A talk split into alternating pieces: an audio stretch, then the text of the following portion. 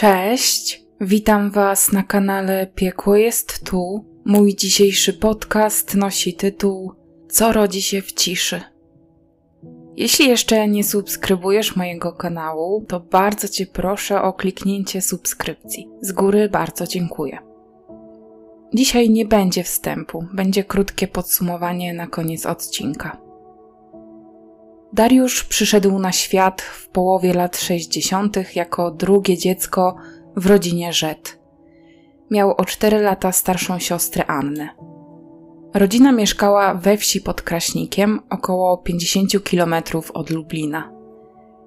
Pani Teresa znalazła zatrudnienie w miejscowej szkole jako nauczycielka biologii, była nią przez lata i dzięki temu zyskała duży szacunek wśród społeczności, w której żyła. Odbierana była jako osoba życzliwa, miła, przyjazna, była ogólnie lubianą i docenianą nauczycielką. Mąż pani Teresy i głowa rodziny Rzet był dyrektorem tej szkoły i on również cieszył się bardzo dobrą opinią i szacunkiem ludzi.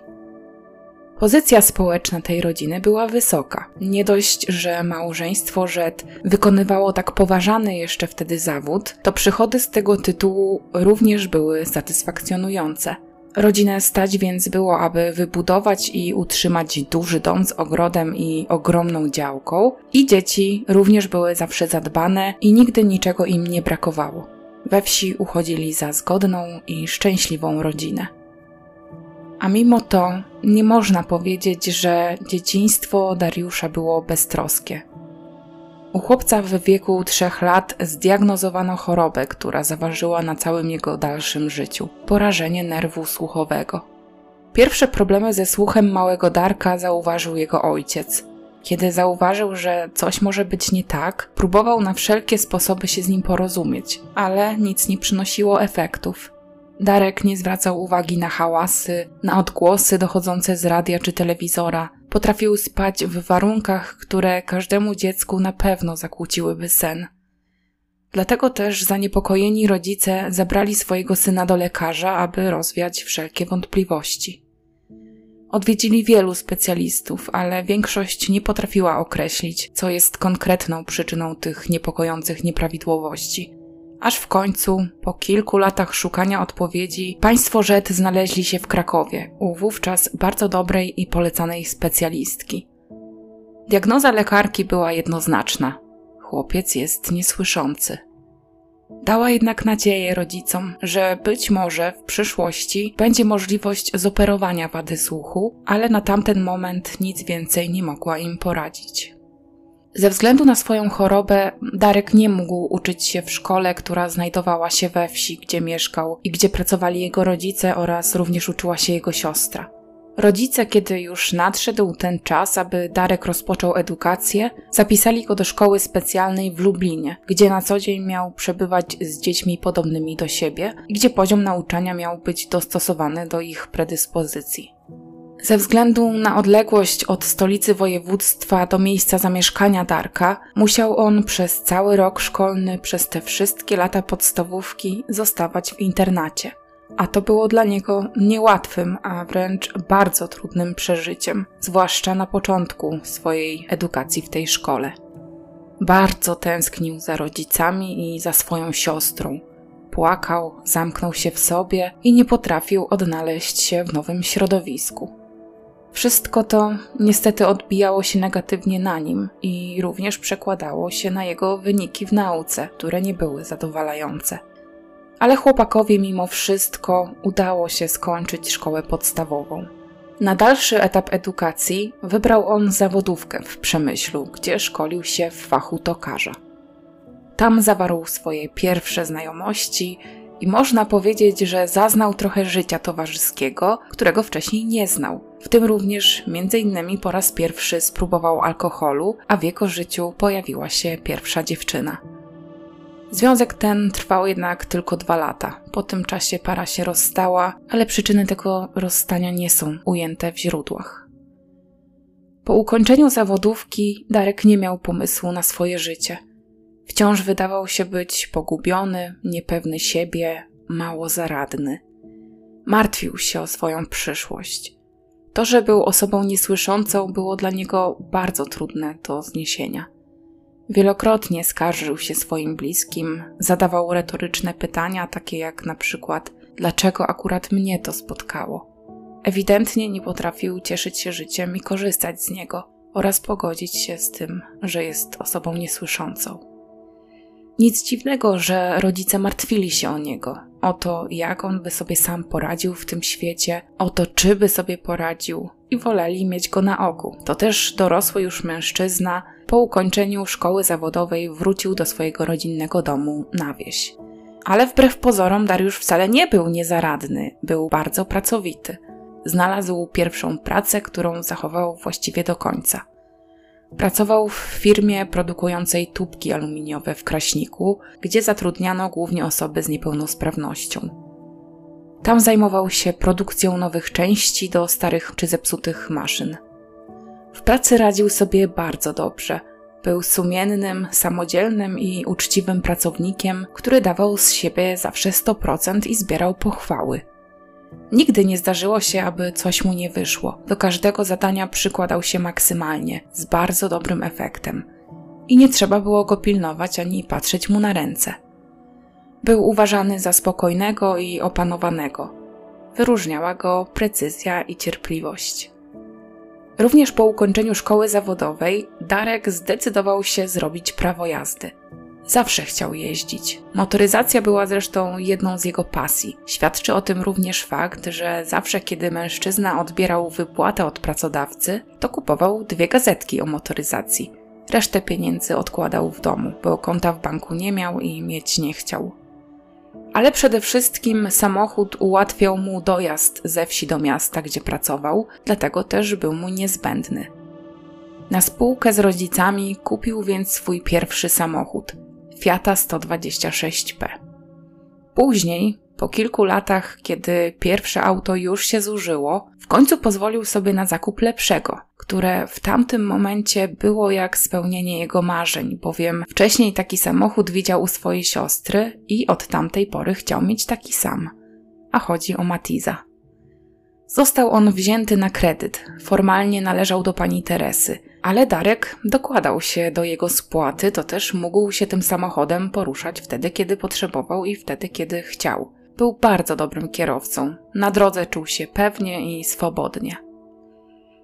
Całe szczęście w firmie, w której Darek pracował, więcej było ludzi, z którymi potrafił się swobodnie porozumieć, ponieważ, tak jak już wspomniałam, firma ta zatrudniała osoby innymi niesłyszące i szczególnie Darek miał tam jednego bliskiego kolegę. Można nawet powiedzieć, że jedynego przyjaciela, który przez pewien czas odgrywał w jego życiu bardzo ważną rolę. Mężczyzna był wiele lat starszy od Darka, miał już dorosłych synów, ale to nie miało w tej przyjaźni żadnego znaczenia. Adam również był niesłyszący, a więc znał język migowy i za pomocą tego języka mężczyźni mogli ze sobą rozmawiać. I to właśnie u niego w domu, po godzinach pracy, Darek najbardziej lubił spędzać wolny czas, bo tak jak już wspomniałam przed chwilą, Adam jako jedna z nielicznych osób w jego towarzystwie, siłą rzeczy zresztą, znał język migowy. Ten język znali również jego synowie, co również cieszyło mężczyznę, bo Darek bardzo lubił sobie porozmawiać z ludźmi. Przez wiele lat był bardzo samotny, raczej się izolował, zamykał w swoim świecie, bo po prostu nie mógł się z nikim dogadać, nikt go nie rozumiał. A więc poznanie Adama na jakiś czas ożywiło Dariusza i sprawiło, że w końcu wyszedł z domu do ludzi. Wcześniej po pracy wracał prosto do domu. Tam zjadał obiad i zamykał się w swoim pokoju na resztę dnia. Kiedy poznał Adama, częściej zaczął wychodzić i prowadzić jakieś życie towarzyskie. Ta znajomość naprawdę przynosiła mu wielką radość. Tutaj myślę, że ważne jest, aby wspomnieć o tym, że rodzice Darka nigdy nie nauczyli się języka migowego. Jedyną osobą w rodzinie, która w ten sposób rozmawiała z nim, była jego siostra Anna, choć ona też nie posługiwała się tym językiem perfekcyjnie, ale zawsze to coś. Zależało jej na bracie, zawsze traktowała go z ogromną czułością, była wobec niego opiekuńcza, dlatego też chciała jak najbardziej się do niego zbliżyć, żeby móc go dobrze zrozumieć.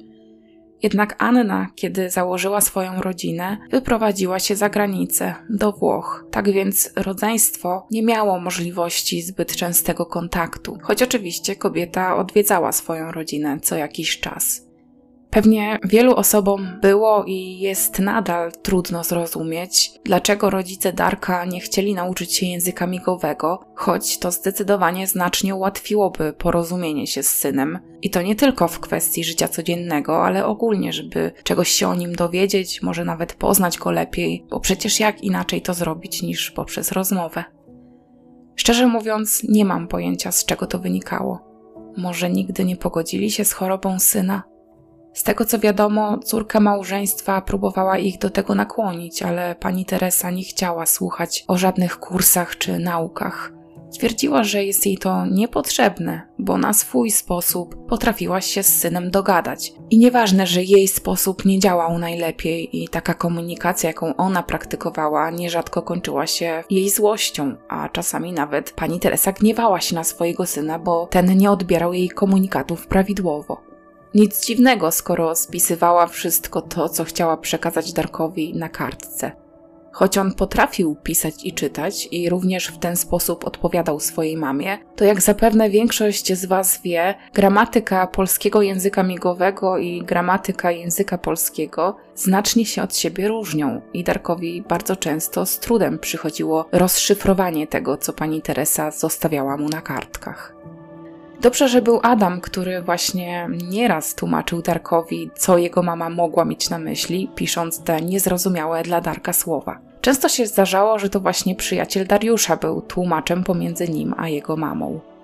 Do czasu, bo w pewnym momencie pani Teresa wkroczyła w te relacje, zabroniła synowi spotykać się ze starszym kolegą, choć na pewno zdawała sobie sprawę z tego, że była to jedna z niewielu osób, przy której jej syn czuł się swobodnie i mógł być po prostu sobą. Powody, dlaczego postanowiła ukrócić tę znajomość, również nie są do końca jasne. Podobno z troski o syna. W jednym źródle jest podana informacja, że kobieta denerwowała się, kiedy widziała, jak Darek używa języka migowego i być może z tego powodu izolowała go od ludzi, którzy go rozumieli, bo nie lubiła, jak Darek migał w cudzysłowie. Pani Teresa nie zgadzała się nie tylko na to, aby Darek wychodził gdzieś z domu do kolegów, ale również zabraniała synowi przyjmować gości u siebie w pokoju. Dla ścisłości powiem, że chodziło tutaj wyłącznie o osoby niesłyszące. Drugim powodem, dlaczego przez wiele lat rodzice Dariusza nie chcieli uczyć się języka migowego, mogło być to, że przecież kiedyś, kiedy stawiano diagnozę, dano im także nadzieję na to, że w przyszłości można będzie Darka zoperować, może zrobić przeszczep, który sprawi, że chłopak będzie słyszał. Może więc cały czas wierzyli, że Darka można jeszcze wyleczyć. Zwłaszcza, że w końcu pojawiła się ku temu okazja – ale jak szybko się pojawiła, tak szybko życie ją zweryfikowało. Kiedy Dariusz przekroczył trzydziestkę, miał możliwość przejścia operacji. Choć była to dla niego ogromna szansa, to jednak komplikacje, jakie mogły podczas niej wystąpić, bardzo Darka przerażały. Zwłaszcza, że była obawa, że mógł w jej wyniku stracić również wzrok, a jego kolega, który przeszedł tę operację, dostał ataku padaczki. Długo się wahał i konsultował z każdym bliskim członkiem rodziny, zanim podjął decyzję. Ostatecznie jednak do operacji nie doszło. Nie dlatego, że Darek się wycofał, a dlatego, że ona kosztowała. I to nie mało, bo 60 tysięcy złotych. Wspomniałam wcześniej, że rodzina była dobrze sytuowana, teoretycznie więc mogła być w posiadaniu takiej gotówki ale jej status znacznie się obniżył, kiedy państwo Żed przeszli na emeryturę i wówczas już nie zarabiali takich pieniędzy jak w czasie swojej aktywności zawodowej. Darek też w pracy dostawał wtedy najniższą możliwą stawkę. I chociaż był oszczędny, swoje pieniądze wydawał tylko na niezbędne rzeczy, produkty czy rachunki, to nie miał odłożonej tak dużej sumy. Nikt w rodzinie również takiej gotówki nie posiadał. Operacja się więc nie odbyła, ale to niczego w zwyczajach tej rodziny nie zmieniło.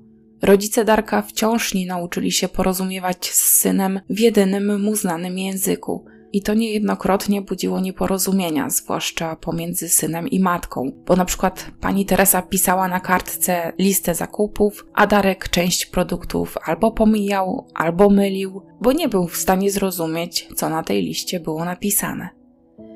A wspomnieć trzeba, że mama mężczyzny była kobietą dość nerwową, często wpadała w złość, a jej syn był jej zupełnym przeciwieństwem – kiedy widział, że mama się zdenerwowała, po prostu wychodził z pomieszczenia, w którym się wspólnie znajdowali i zamykał się w swoim pokoju. I choć ojciec Darka również niedostatecznie znał język migowy, to mężczyznom było do siebie znacznie bliżej. Z nim jakoś łatwiej było Darkowi się porozumieć. Czuł się ze swoim tatą dużo bardziej związany niż z mamą, pomimo że obojga rodziców oczywiście kochał i szanował. Ale to do ojca biegł, kiedy chciał się z czegoś zwierzyć, kiedy był podekscytowany i kiedy był smutny.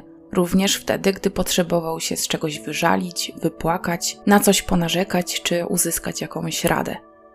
Otwieranie się przed tatą było dla niego naturalne i nigdy nie bał się, że zostanie źle odebrany czy źle zrozumiany. Zwłaszcza, że Darek był bardzo wrażliwy, delikatny wręcz i wiele rzeczy go dosłownie dotykało. Wszystko przeżywał dużo bardziej niż przeciętny człowiek.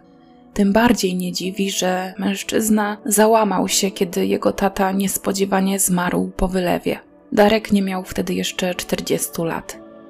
Po wiadomości o odejściu ojca wpadł w ogromną rozpacz, zupełnie tracąc kontrolę nad swoimi emocjami. Na oczach swoich bliskich wyrywał sobie włosy z głowy, a jego krzyk był przerażający, jakby zupełnie nieludzki. Żeby jakoś przetrwać ten trudny okres żałoby, jaki zresztą sam pogrzeb, mężczyzna od psychiatry otrzymał tabletki uspokajające, które z kolei sprawiły, że podczas ceremonii pogrzebowej wydawał się być kompletnie nieobecny. Późniejsza wizyta u psychiatry wykazała, że wystąpił u niego epizod depresyjny. Darkowi dodatkowo przepisano leki na depresję. Jego obniżony nastrój nie umknął uwadze znajomych z pracy, którzy zauważyli pogorszenie się stanu zdrowia psychicznego mężczyzny. Zauważyła to także jego siostra oraz inni członkowie rodziny. Zwrócili uwagę zwłaszcza na to, że Darek totalnie zamknął się w sobie – Nigdy nie był zbyt wylewny, ale wtedy, po śmierci ojca, zupełnie stracił zainteresowanie czymkolwiek. Zamykał się w swoim pokoju i wolał przebywać w samotności. Darek dawał znaki również mamie, która codziennie przyglądała się jego cierpieniu.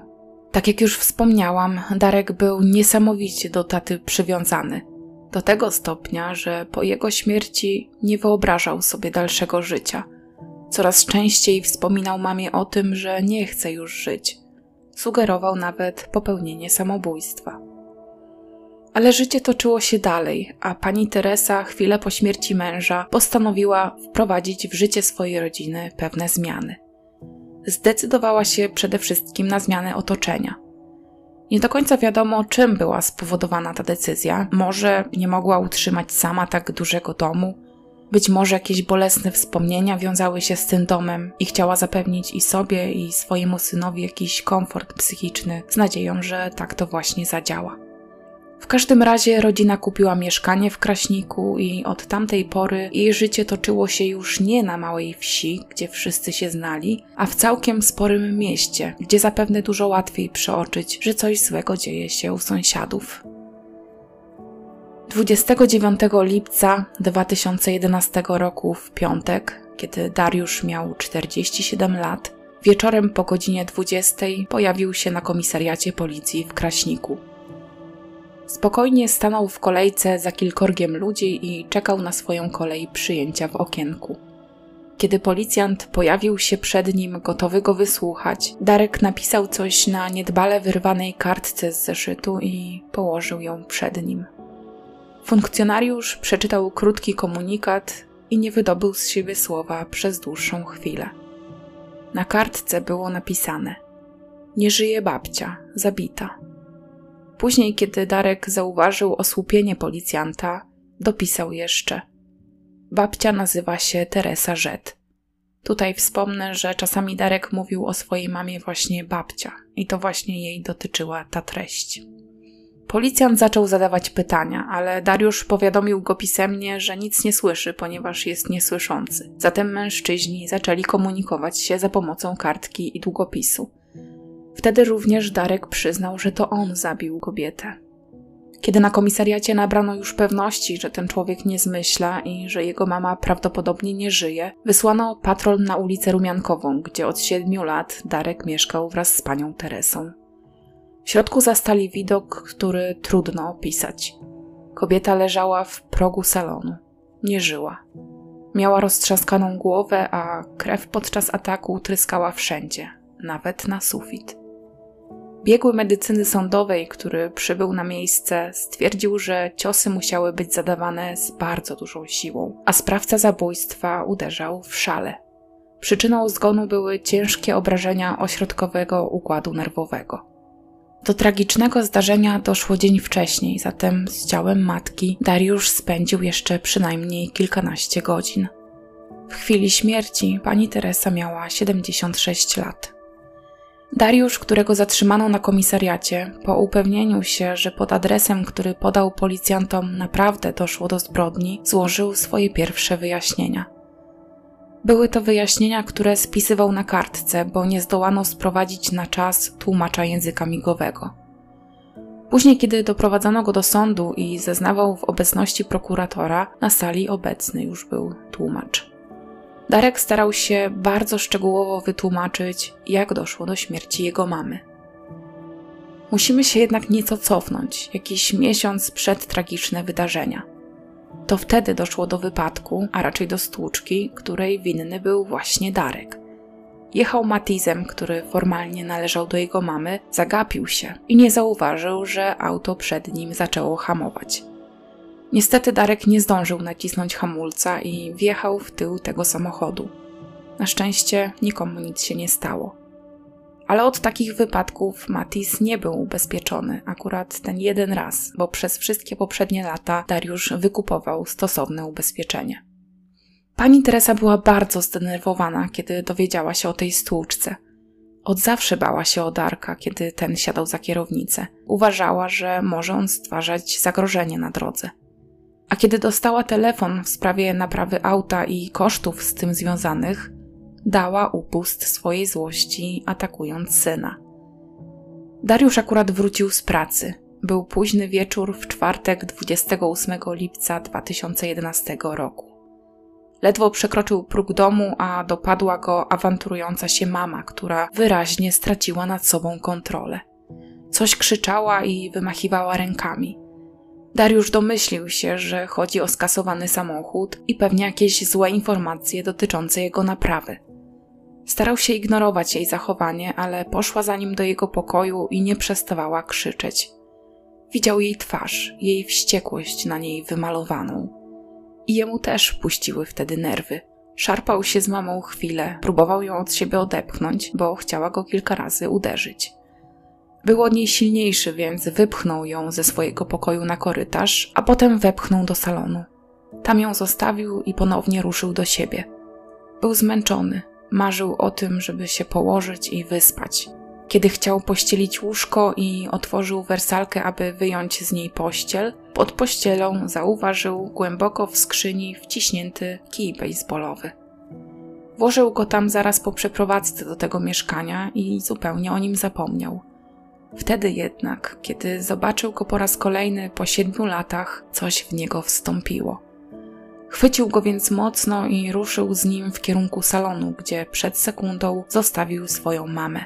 Bez ostrzeżenia zaczął okładać ją tym kijem. Bił na oślep, uderzał kilka razy. W głowę, w twarz, w klatkę piersiową, aż upadła i przestała się ruszać. Później po prostu zasnął. Kiedy się obudził, był kolejny dzień i godzina piąta rano. Dopiero wtedy zajrzał do pokoju, gdzie kilka godzin wcześniej ostatni raz widział swoją matkę. Zobaczył, że jest cała we krwi i leży bezwładnie na podłodze, zaraz przy drzwiach. Jej głowa była dosłownie pęknięta. Zauważył, że klatka piersiowa kobiety nie porusza się, a więc uświadomił sobie, że jest martwa. Od razu się rozpłakał, bo wiedział, że to on ją zabił, choć niczego nie potrafił sobie przypomnieć. Drzwi były jednak zamknięte. nikt nie miał możliwości wejść do środka. Nie było opcji, aby zrobił to ktokolwiek inny. Dariusz bardzo mocno przeżył fakt, że dopuścił się tego okrutnego czynu, dlatego dłuższą chwilę spędził nad ciałem matki, po prostu płacząc. Nie zdecydował się na to, aby zadzwonić po karetkę, tym bardziej nie chciał wzywać policji. Wiedział, że zostanie aresztowany, że stanie przed sądem, gdzie być może otrzyma surowy wyrok. To go bardzo przerażało, ale nie bardziej niż myśl, że właśnie pozbawił życia kogoś, kto mu to życie dał. Żeby dłużej nie myśleć o tym, co zrobił, wrócił do swojego łóżka i przysnął jeszcze na kilka godzin. Około ósmej rano ze snu wyrwał go dzwonek do drzwi. Dzwonił listonosz, który przyniósł rentę dla pani Teresy. Dariusz zdecydował, że tego dnia nie będzie otwierał mu drzwi, a później, kiedy już wstał z łóżka i doprowadził się do porządku, postanowił osobiście stawić się na poczcie z awizem, które listonosz zostawił w skrzynce. Kiedy już otrzymał wypłatę środków, wrócił do domu, a pieniądze schował do portfela matki. Przystąpił też do sprzątania. Przede wszystkim dokładnie umył podłogę i narzędzie zbrodni. Za sprzątanie wziął się dlatego, że wiedział, że mama bardzo lubiła, jak jest czysto. Robiło się już późno, a on tego dnia jeszcze nic nie zjadł. Na kuchence stał garnek z bigosem. Postanowił więc go sobie odgrzać razem z ziemniakami, bo nie było chleba. Dopiero po posiłku i po chwilowym relaksie przy czytaniu gazety, nad którą i tak nie mógł się skupić, zebrał się w sobie i poszedł na komisariat policji zgłosić zabójstwo swojej matki i przyznać się do winy. Opowiadając o tych wydarzeniach, Dariusz nie krył swoich uczuć. Płakał, bardzo żałował, pragnął cofnąć czas, choć zdawał sobie sprawę z tego, że jest to po prostu niemożliwe. O śmierci matki i aresztowaniu Dariusza bardzo szybko dowiedziała się Anna, która natychmiast, pierwszym możliwym lotem, dotarła do Polski. Bardzo przejęła się nie tylko tragicznym losem swojej mamy, ale też tym, co jej brat musiał w tamtych chwilach przeżywać. Postanowiła więc odwiedzić go w areszcie, żeby dowiedzieć się, co zaszło tego tragicznego dnia właśnie od niego. Niestety, na pierwszym spotkaniu Dariusz nie chciał w ogóle nic wyjaśnić. Anna zauważyła, że jest on w złym stanie psychicznym. Miał spuszczoną głowę i wydawał się być bardzo przygnębiony. Pokazał jej, żeby wróciła innym razem, dając do zrozumienia, że nie jest jeszcze gotowy, aby o tym rozmawiać. Było jej go bardzo żal. Dopiero na drugim widzeniu mężczyzna zdołał cokolwiek siostrze przekazać. Dariusz stanął przed sądem okręgowym w Lublinie, gdzie został oskarżony o zabójstwo z zamiarem bezpośrednim. Prokurator chciał, aby wymierzono mu karę 15 lat pozbawienia wolności. Motywem działania sprawcy miała być kłótnia albo ogólne nieporozumienia pomiędzy matką a synem. Dariusz podtrzymał przed sądem wcześniejsze wyjaśnienia, które składał zarówno na pierwszym przesłuchaniu, jak i przed prokuratorem. Konsekwentnie jednak trzymał się wersji, że nie pamiętał przebiegu tragicznych wydarzeń. Nie miał nawet żadnych przebłysków. Nie potrafił przypomnieć sobie choćby jednego ciosu, który wymierzył matce. Ostatnie, co pamiętał, to kłótnia, jaka się wywiązała między nim a jego matką. W sprawie zeznawało wielu świadków z bliskiego otoczenia zarówno ofiary, jak i sprawcy. Większość była zgodna co do relacji tych dwoje. Pani Teresa była w stosunku do swojego syna nadopiekuńcza i wręcz apodyktyczna, narzucając mu swoje zdanie i nie przyjmując żadnego sprzeciwu. Ograniczała jego wolność, zabraniała mu spotykać się ze znajomymi. Nie chciała również, aby miał jakąkolwiek partnerkę, żeby ułożył sobie z kimś życie. Swoje zachowanie tłumaczyła troską o syna i o rodzinę, którą miałby założyć. Bała się, że Dariusz nie sprawdzi się w tak odpowiedzialnej, ważnej roli, a ona, jako że była już starsza, nie miałaby możliwości, aby pomagać jego rodzinie. W zakładzie pracy mężczyzny co jakiś czas organizowane były wyjazdy, na przykład nad morze, ale Darek nigdy w nich nie uczestniczył, bo pani Teresa nie pozwalała mu tam pojechać. Martwiła się o niego i uważała, że bez niej by sobie nie poradził. Podobnie było, kiedy wyjechali wspólnie nad morze. On, jego mama, siostra i jej rodzina. Pani Teresa nie spuszczała oka ze swojego syna, nie pozwoliła mu nawet swobodnie spacerować po molo. Darek buntował się po cichu, nigdy nie sprzeciwiając się matce wprost, ale kumulował w sobie złość do niej za każdym razem, kiedy dokładała kolejną cegiełkę. Nigdy nie był w stosunku do niej agresywny, czasami wdał się w jakieś utarczki słowne, ale zawsze w porę to ucinał i uciekał do swojego pokoju. Pani Teresa nie odpuszczała już tak łatwo jak on. Całą złość musiała wyrzucić z siebie od razu i nie pozwalała Darkowi dojść do słowa. Z czasem zrozumiał, że z nią nie wygra, ale przez to coraz bardziej zamykał się w sobie. Rodzina kobiety próbowała jej nerwowe zachowanie tłumaczyć faktem, że miała problemy zdrowotne i rozrusznik serca. To podobno przez to tak szybko wpadała w złość. Mężczyzna miał możliwość bycia sobą i czucia się swobodnie w mieszkaniu, które dzielił z mamą, tylko wtedy, kiedy ona gdzieś wyjeżdżała, na przykład do sanatorium. Wtedy Dariusz zapraszał znajomych, cieszył się życiem i zapominał o tym, że mama nie zgadza się na to, aby ktokolwiek przekraczał próg ich mieszkania. Kiedy wracała, ponownie pojawiał się u niego zły nastrój. Oddalił się od znajomych, w pracy też już mało z kim rozmawiał. Głównie z Adamem, ale odkąd mama zabroniła mu odwiedzać przyjaciela, to też znacznie rzadziej. W ostatnim czasie koledzy z pracy Dariusza zauważyli jeszcze większą, niepokojącą zmianę w jego zachowaniu. Jak wcześniej uważali go za spokojnego, opanowanego człowieka, tak wtedy wydawał się być roztrzęsiony. Tak jakby cały czas się o coś bał, czymś martwił. Na przykład wkręcił sobie, że zostanie zwolniony z pracy. Oczywiście były to bezpodstawne podejrzenia. Rozmawiał sam ze sobą, był poddenerwowany, skarżył się na to, że czuje się niedoceniony w tej pracy, że nie przyznano mu nagrody z okazji 25-lecia pracy, przez to czuł się gorszy. W sądzie pojawili się też sąsiedzi, którzy znali rodzinę. Uważali ją za spokojną, zgodną, szczęśliwą. Nigdy z mieszkania nie dochodziły dźwięki żadnych kłótni czy jakieś inne podejrzane, które mogłyby świadczyć o tym, że dzieje się tam źle, że dochodzi tam do bujek, do kłótni, do agresji. Pani Teresa o Darku zawsze wypowiadała się z czułością, troską, miłością i martwiła się o to, jak on poradzi sobie w życiu, kiedy jej zabraknie. Jedna z sąsiadek podsumowała to słowami: Widać było, że ta troska była celem jej życia. Sąsiadka, która mieszkała tuż za ścianą, tragicznej nocy usłyszała huk, który odebrała jako dźwięk upadającego mebla. Później zapadła cisza.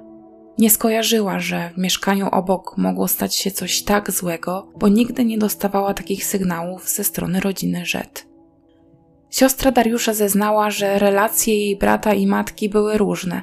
Przeważnie to pani Teresa wywoływała wszystkie kłótnie ale bywało, że między matką a synem było wszystko dobrze. Potrafili się dogadać, a pani Teresa była miła, dawała mu większy luz. Na pewno to nie Dariusz pierwszy zaczynał kłótnie. On był bardzo ugodowy. Potrafił wszystko w domu zrobić, sprzątał, gotował, robił zakupy i starał się panią Teresę odciążać, zwłaszcza wtedy, kiedy zaczęły się jej problemy zdrowotne. Nigdy nie zauważyła, aby jej brat miał problem z agresją, aby źle zachowywał się w stosunku do matki. Nie nadużywał też alkoholu, choć czasami lubił sobie wypić w towarzystwie kolegów. Jednak odkąd mama zabroniła mu się z nimi spotykać, no to nie pił już w ogóle, bo w domu na przykład alkoholu kompletnie nie ruszał. Anna przed sądem powiedziała, że jeśli jej brat otrzyma łagodny wyrok i po niedługim czasie wyjdzie z więzienia, ona weźmie go do siebie, pod swoje skrzydła. Zawsze w jakimś stopniu czuła się za niego odpowiedzialna. Tym razem tym bardziej. Dodam jeszcze, że bardzo wielu znajomych Dariusza ubolewało nad jego losem i przyznało, że trzeba wyciągnąć do niego pomocną dłoń.